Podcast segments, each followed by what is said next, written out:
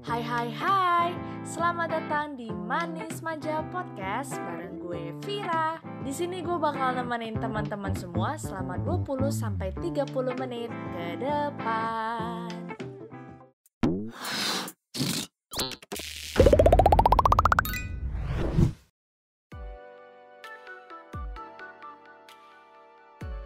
Tema hari ini gue bakal ngebahas tentang gimana sih keproduktivitasan lo di tengah-tengah pandemi yang lagi viral ini, khususnya bagi perempuan. Nah, sebelum gue lanjut, ada cerita menarik nih. Kalau ini adalah salah satu episode perdana dari Manis Manja Podcast, yang di mana gue ngajakin temen gue secara dadakan buat jadi narasumber di episode perdana ini. Dan untungnya sih anaknya mau. Dan pastinya narasumber gue kali ini bukan kaleng-kaleng, karena beliau adalah salah satu podcaster di Spotify yang temanya membahas tentang cinta dan kehidupan since 2019 dan biasanya beliau disapa sebagai atau dikenal sebagai Dai. Baiklah Ibu Dai, silakan say hi Bu. Jadi ibu atau masih muda nih, masih 23 tahun. Ya anggap aja udah ibu-ibu lah ya, biar aku panggil Bunda gitu. Oke bun, gitu ya. Iya gitu Bun. Oke, ini opening podcast gue biasanya kayak hola hola hola. Ya, Hola hola hola, ini. Kenalin gue Day. Eh, gue mahasiswa BINUS Bandung semester 7. Usia gue baru 23 tahun. Dan saat ini gue sedang merintis tiga bisnis gue dan sambilan gue ya sebagai podcaster. Uh, udah si muda ya guys, tapi udah panggil ibu-ibu nggak apa-apa lah ya sekali-sekali gitu kan. Oke, Kapan lagi Wak. kalau bukan di manis manja podcast. bebas. Bebas, lepas lagu Ewake itu kak. Eh udah kak, terus bun, jadi kita yang mana nih? Iya nih kok labil sih. Oh Yang iya. mana aja deh yang nyamannya asal jangan sayang ya. Ih, ih, ih, curhat nggak tuh? curhat mak, gitu kali ya sis. Eh, gila udah sis, bun kak lengkap nggak tuh? Udah kayak paket panas. Oh, iya benar. Pilih deh. Tapi tapi nih, tapi nih, gue sebenarnya bener nggak sih spell nama lo yang kayak die atau day or I have a wrong pronunciation? Eh, yang benar day. Yang kayak day. Mati ya, karena kan eh, D Oh. A Y jadi day. Ah, ina ilahi gitu ya. Bukan lagi memang. aja. Cuman nih kan lo tuh panggilannya tuh Day ya. Berarti nama lengkap lo ini Day atau ada gimana sih nama asli lo Day apa gimana sih? Itu nama panggung gue. Nama Oh, nama aslinya ada, panggung. tapi I never put my real name on my social media. Oh pantas. Jadi eh, sampai detik ini gue masih penasaran sih. Kenapa lo mau pakai nama Day untuk nama panggilan lo atau nama panggung lo ini? Is Oh. there any specific reason to use those name atau gimana? Eh, eh, cerita awalnya nih sebenarnya nama asli gue kan Dila. Cuma Hmm. emang dari SMP itu jadi kayak tem temen-temen tuh pada manggil tuh kadang-kadang pakai bahasa Inggris gitu karena kita tiap hari ngobrolnya pakai bahasa Inggris. Terus jadi kayak ada teman gue namanya Nia, panggilannya jadi Naya gitu kan. Kan kalau di bahasa Inggris kayak bacaannya kayak Naya gitu kan. Emang Oh. eh, gue jadinya kayak Dayle gitu teman gue yang manggil terus eh kayaknya oke juga nih gitu kan. Karena Dila itu kan kayak pasaran ya kadang-kadang Dila Bila tuh deketan gitu kan. Terus jadinya kayak oh yaudah eh diklaim lah tuh nama Dayle. Nah sampai SMA tuh teman-teman taunya nama gue Dayle gitu kan. Cuma kayak nama Dila sama Dayle tuh kadang-kadang orang kan mikir kok jauh banget gitu nama panggilan akhirnya saat kuliah gue ya udah deh gue persingkat biar orang pun gampang mengingatnya yaitu Day Pela Oke. tuh Menarik sih, menarik, menarik, menarik. Karena emang sejauh ini belum pernah sih gue nemuin temen selain lo yang menggunakan nama Day atau Die atau everything lah itu. Biasanya kan diambilnya kayak kalau Cila, Cia gitu kan. Kalau misalkan kayak apa ya? Kayak Ra Ya, ya gitu aja Rara. Iya, gitu-gitu doang. Agak menarik sih nih sebenarnya nama lo ini. Cuman ya, emang kenapa sih nggak mau pakai nama itu buat di sosial media nama asli lo itu? Uh, kenapa ya? Karena udah banyak ya pasaran itu yang pertama. Terus orang tahunya juga kebanyakan nama panggilan gue. Terus, oh, ya biar nggak gampang dilacak aja gitu. Oh, so misterius ya anaknya. Wah. Pinjaman kalau ada pinjaman online gitu jadi susah dilacaknya kan di sosial medianya. Nggak nggak bercanda. Tapi lo tau gak sih karena lo spesial banget nih datang ke bukan datang sih lebih tepatnya collab lah ya collab bareng Manis Manja Podcast jadi sebenarnya niatan gue hari ini adalah pengen ngajakin lu ngobrol sih ngobrol. seputar keproduktifan anjay keproduktifan lo sebagai perempuan di tengah pandemi yang lagi gokil-gokilnya tapi first of all gue pengen nanya sih dari sudut pandang lo sendiri nih COVID-19 tuh apa sih? Kalau kayak gue kayak oh oke okay, ini virus yang lagi viral nih yang buat kayak seluruh dunia gempar terus yang buat virus ini juga yang katanya tuh buat orang-orang tuh kayak ya udah mati gitu kan gara-gara virus ini walaupun gue sendiri pun nggak paham kenapa sih total angka kematian di Indonesia itu dengan adanya COVID-19 ini terus meningkat setiap harinya. Nah kalau dari lo sendiri COVID-19 dari pendapat lo sendiri tuh gimana sih? Uh, jujur ya Wak, gue tuh tim kayaknya tim konspirasi sih ya. Gue percaya virus ini ada, tapi adanya asalnya virus ini tuh gue gue percaya percaya teori konspirasi untuk itu kayak personal opini gue ya cuma gue hmm. jadikan waktu pandemi ini untuk tetap gimana caranya gue waras gitu loh. Gue gunakan waktunya untuk merefleksikan diri gitu loh apa yang selama ini mungkin kesalahan apa yang pernah gue perbuat gitu loh. Terus tuh kayak lebih belajar bersyukur sama apa yang sebelumnya gue punya. Karena kayak contoh halnya gini deh biasanya lebaran itu gue ngumpul nih baru hmm. kali ini nggak ngumpul sama sekali dan itu kerasa banget lossnya. Dan itu yang hmm. akhirnya jadi renungan buat gue sendiri. Jadi nggak selamanya hal yang kita punya tuh bisa kita miliki atau kita rasakan. Jadi saat lo uh, mempunyai suatu momen ya lo harus gunain dan menikmati bener-bener gitu loh. Karena belum tentu tahun depan atau besok-besok lo bakal ngerasain itu lagi gitu sih Oke, berarti lebih ke arah sadar ya lo dengan adanya COVID. Dan malah mungkin emang rezekinya juga ya, nggak tahu kenapa semua bisnis gue itu bermula saat COVID ini. Tapi sebenarnya dengan adanya COVID ini mempengaruhi nggak sih? Bukan mempengaruhi ya, ada kaitannya nggak sih kayak lu create podcast di Spotify itu karena ada COVID-19 atau sebenarnya out of nowhere lo create karena lo mau? Oh oke, okay. kalau misalnya untuk podcast, gue kan udah dari 2019 ya. Dan itu hmm. emang dari dulu, dari zaman SD, gue tuh suka broadcasting, suka MC.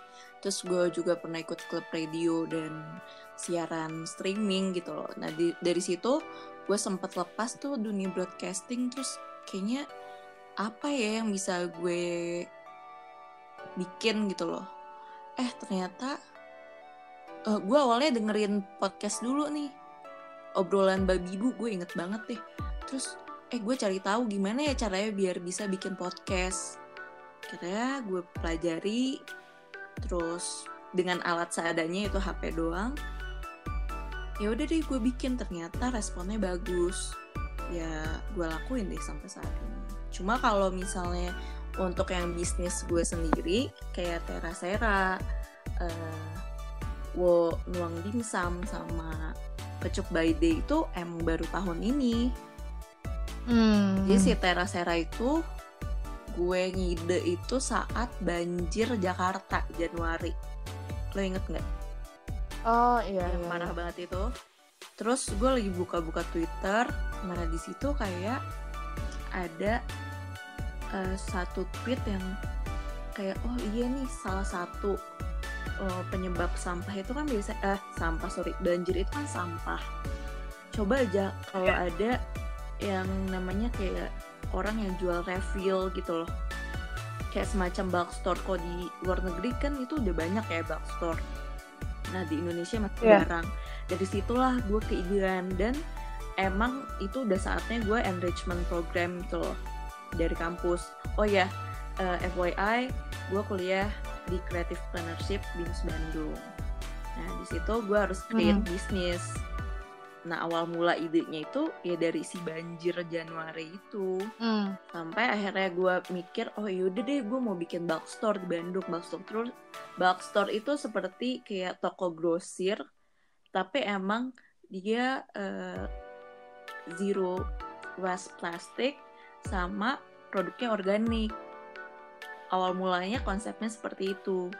Eh dilalahnya keburu eh, covid kan yang covid yang udah parah banget gitu. Yap. akhirnya nggak bisa lah bikin toko. Kayak aduh nggak make sense nih kalau misalnya bikin toko sekarang. Akhirnya di online gitu. Oke, berarti itu awal mula dari Tera- lo bikin si Terasera itu ya. Hmm, Dan akhirnya lo buat juga ada yang namanya Wonuwang Dimsum dan Kecup by Day. iya Itu semua bermula dari COVID di luar dari si Spotify ini berarti ya. Dari podcast itu yang sama sekali nggak ada ngaruhnya dari COVID-19. iya Karena hobi gitu. iya betul Oke, ini agak menarik sih menurut gue untuk lo anak yang di umur 23 tahun lo bisa mengcreate tiga bisnis sendirian apa bareng sama teman? untuk Terasera awalnya gue sama sahabat gue. Jadi idenya dari gue terus gue ngajak eh, sahabat gue untuk yuk kita eh, lakuin ini bareng-bareng gitu. Tapi di sepertiga jalan karena satu dan lain hal eh, dia mengundurkan diri. Jadi ya udah A sampai Z-nya semua gue yang kerjain gitu. Cuma yang kalau Wang Dimsum ini basically ini nyokap gue yang bikin emang si dimsumnya jadi gue kerjasama sama nyokap gue yang bantu memasarkan gue yang bantu bikin konten gue yang foto produk gitu-gitu. Berarti untuk eh, Wonuwang Dimsum ini adalah collab bareng nyokap. Dan Terasera ini sekarang lu bener-bener fokus solo. Kalau Ketchup by Day gimana tuh? Kecup by day itu eh, gue sendiri juga. Itu kopi sama panna cotta. Ah pokoknya kayak gue di masa kayak gini kita harus selalu gada ya sis. Betul, betul, setuju gue. bener kayak oh iya gue awalnya suka kopi gitu kan. Hmm. temen gue dia bisa bikin kopi. Nah gue kerja sama sama temen gue. Jadi dia yang bikinnya gue yang hmm, testing sama pemasarannya gitu dan kopi banyak banget ya. Betul. kan zaman sekarang. Gue Yaps. apa ya nih eh, yang bikin beda? Sebenarnya intinya bisnis itu adalah lo solve the problem atau lo kuatkan apa value lo untuk orang beli gitu kan. Hmm. nah gue bikinnya itu si kopi macam-macam nih namanya. Ada sugar baby ada sugar mommy ada sugar baby. Jadi kan orang tuh kayak hah? gitu. Pas Iya. Itu apa? Nah, kayak gitu. Itu salah satu trik pemasaran juga sih. Menarik, menarik, menarik. Tapi kenapa sih dari si kayak Terasera yang gue sempet sebelum sekarang kita bikin podcast collab bareng kayak gini ya. eh kayak gue sempet nge-stalk Instagram lo sih. Yang kayak Terasera ini adalah organik ya, semacam makanan atau minuman organik yang lo jual ya. Iya, itu kayak berbau teh. Terus Berbau sekarang kayak ada vegan pastanya. Oke, berarti semacam kayak ini ya, kayak siapa tuh kayak eh yang lagi lagi viral juga deh itu itu yang isinya tuh semuanya kayak daging-dagingan segala macam tapi itu vegan. Hmm, Gue lupa deh namanya apa tuh. Semacam kayak gitu mungkin. ya. Kalau gue lebih kayak sebenarnya konsep gue awalnya pengen seperti Naked Ink di Jakarta gitu. Oke, menarik sih menarik. Ya. Cuman lo yang dari lo penjual barang makanan organik, terus yang lo kayak menjual dimsum, terus lo yang jual minuman kopi. Kenapa lo memilih untuk melakukan bisnis-bisnis tersebut? Ya, padahal kalau setahu setahu gue ya anak milenial itu kan kayak ah gue lebih baik part time nih di coffee shop atau something lah di mana gitu. Kenapa lu memilih untuk akhirnya entrepreneur? Jatuh ini lu entrepreneur soalnya. Nah, pertama karena gue sekolah bisnis dan gue Oke. diharuskan bikin bisnis. Tapi emang dari ke, dari zaman gue SD tuh emang suka jualan. Literally di Hmm. SMP, SMA gue jualan dari mulai eh, jual madu, jual snack-snack gitu, terus jual kaos kaki, semuanya kayaknya gue pernah jual. Terus pada akhirnya, oke gue memutuskan untuk kuliah bisnis. Nah di sini di binus kan emang salah satu syaratnya itu kita bikin bisnis ya untuk lulusannya. Jadi emang Terasera ini jujur itu kayak bisnis idealisnya gue gitu loh. Ya, bener-bener gue konsep segala macemnya. Sementara kalau yang kayak kecup by day itu bisnis yang emang flow-nya lebih cepet. Ya kan namanya BU ya bu. Jadi kayak Iya betul. kita harus punya Betul. bisnis bisnis apa kantong tuh ibaratkan nggak cuma satu gitu loh tapi kalau bisa ada beberapa untuk saling nge-backup gitu sih apalagi kan gue kan Hmm. modal emang modal sendiri ya jadi bik- buka PO dulu gitu loh jadi kayak bagi teman-teman yang emang aduh gue pengen bisnis tapi gue nggak ada modal eh udah lo buka PO aja dulu kan duitnya duluan gitu Hmm, bisa juga sih buat teman-teman yang mau ngerintis karir lah ya ibaratnya. Bisa seperti si Day, Day, Day, gitulah. sebenarnya kalau bisnis tuh ya udah mulai aja dulu Bener sih, bener-bener. Karena kita nggak ada yang tahu lah ya intinya kalau kita belum coba kan. Nah, ini kan secara nggak langsung lo tadi kan di intro lu di awal nih lu bilang nih kalau lu itu mahasiswi, mahasiswi Binus Bandung.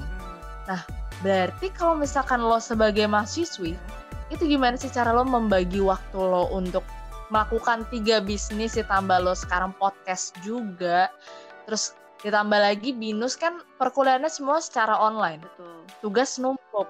Nah lo gimana tuh bagi waktunya? Kewalahan gak sih? Jujur iya sih.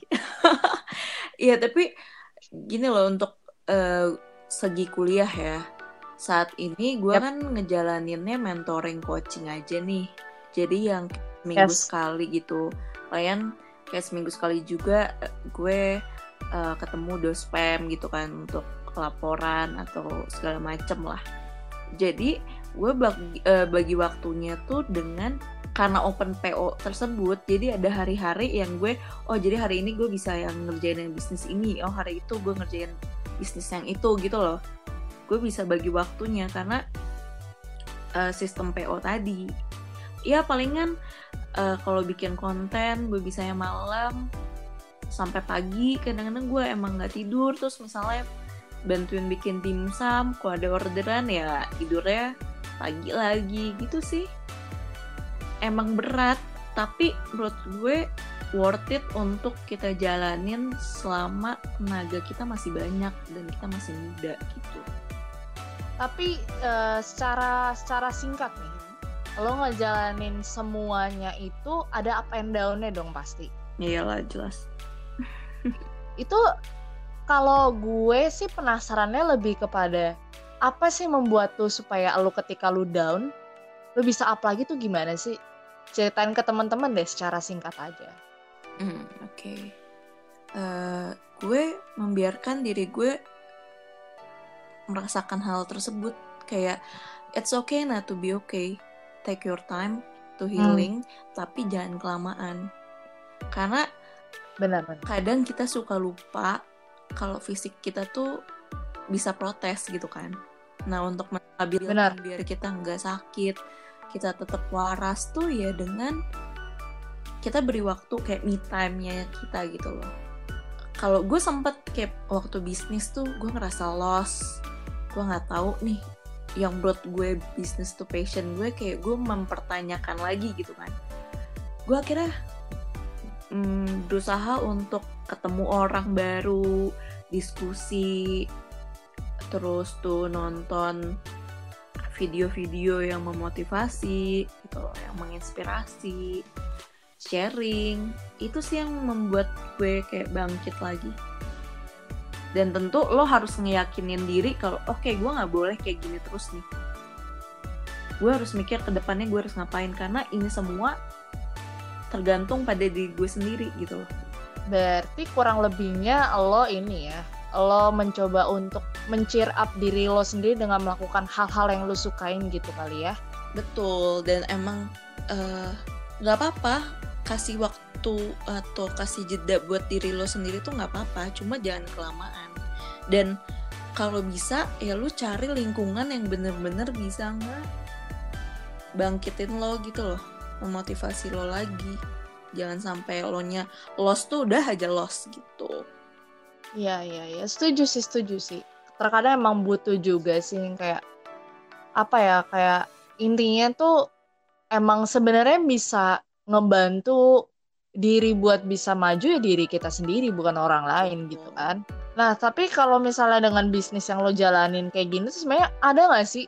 Kalau atau teman-teman atau keluarga lo atau siapa pun lah yang kenal sama lo konteksnya udah deket banget gitu ya terinspirasi karena lo yang sekarang ini gitu.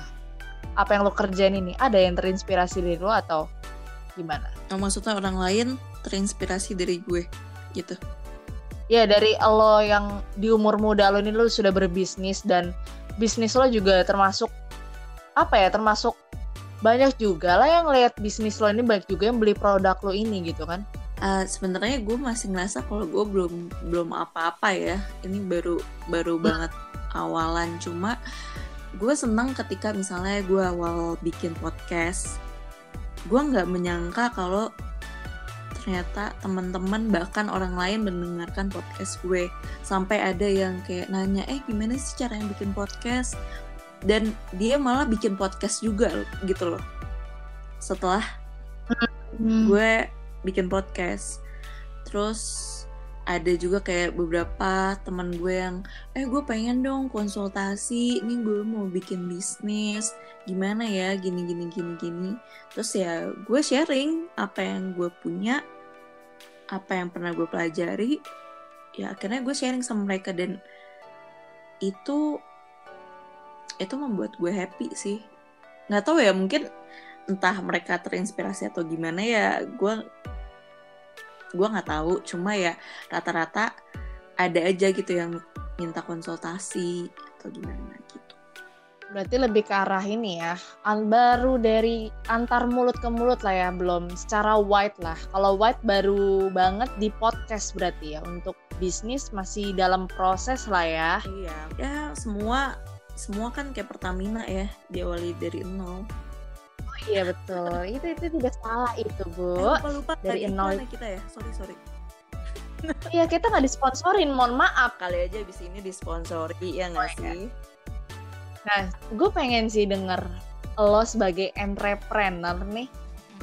Ada nggak sih pesan-pesan yang lo bisa kasih tahu ke anak-anak milenial yang sekarang tuh kayak kerjaannya cuman tidur-tiduran doang, foya-foya pakai duit orang tua, atau yang pengen ngerintis karir cuman nggak ngerti caranya tuh gimana. Ada nggak lo pesan secara singkat aja buat anak-anak milenial? Hmm, Oke, okay. pesan gue pertama coba deh keluar dari zona nyaman. Setelah lo keluar dari okay. zona nyaman, lo bakal bisa memahami potensi diri lo dan lo bisa mempelajari banyak hal. Itu yang pertama. Yang kedua, lakuin semua hal yang bisa lo lakuin selama lo masih muda. Ibaratkan hmm. kayak hmm. anggap aja gagal tuh kayak makanan. Habisin aja dulu jatahnya di masa muda biar nanti lo bisa nikmatin hasilnya. Soalnya kalau misalnya lo gagal di usia muda gitu kan, itu orang bakal ngewajarin. Karena mereka anggap lo masih belajar. Jadi manfaatin. Dan jangan lupa untuk cari lingkungan yang bisa bikin lo grow up. Karena uh, lingkungan pertemanan itu akan sangat menginfluence lo tanpa lo sadar. Kondisi kali ya, apa kondisi dan tekanan kehidupan kayak membuat gue seperti ini juga. Yang belajar untuk bertahan dan ya hmm. itu ujung-ujungnya cari duit. Pada awalnya sih itu ya tekad gue gimana caranya gue cari duit gue bisa tetap menikmati masa muda gue tanpa gue nyusahin orang tua karena nyokap juga sendiri kan bokap udah nggak ada gitu kan jadi pasti tanggung jawab ada di gue selanjutnya gitu Uh, penonton tepuk tangan. Uh, baiklah. Jadi intinya buat teman-teman yang lagi pengen konsumsi yang sehat-sehat atau lagi cari cemal-cemil cantik, bisa langsung kepoin Instagramnya apa, Day? Uh, untuk Tera Sera bisa di Tera Sera BDG. T E R R A S E R R A B D G. Nah, kita juga lagi ada hampers buat Natal nih. Jadi kita buka PO hampers buat Natal cuma 189.000.